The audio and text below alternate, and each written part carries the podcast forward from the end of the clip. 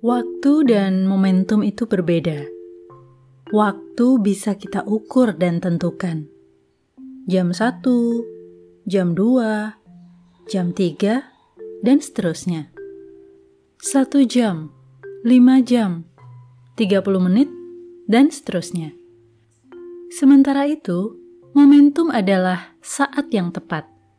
Kita bisa merencanakan sesuatu dengan perkiraan waktu yang baik namun, sebaik apa pun kita mengaturnya, belum tentu momennya tepat. Perlu kepekaan untuk melihat segala sesuatunya dilakukan dengan waktu yang indah, waktu yang tepat.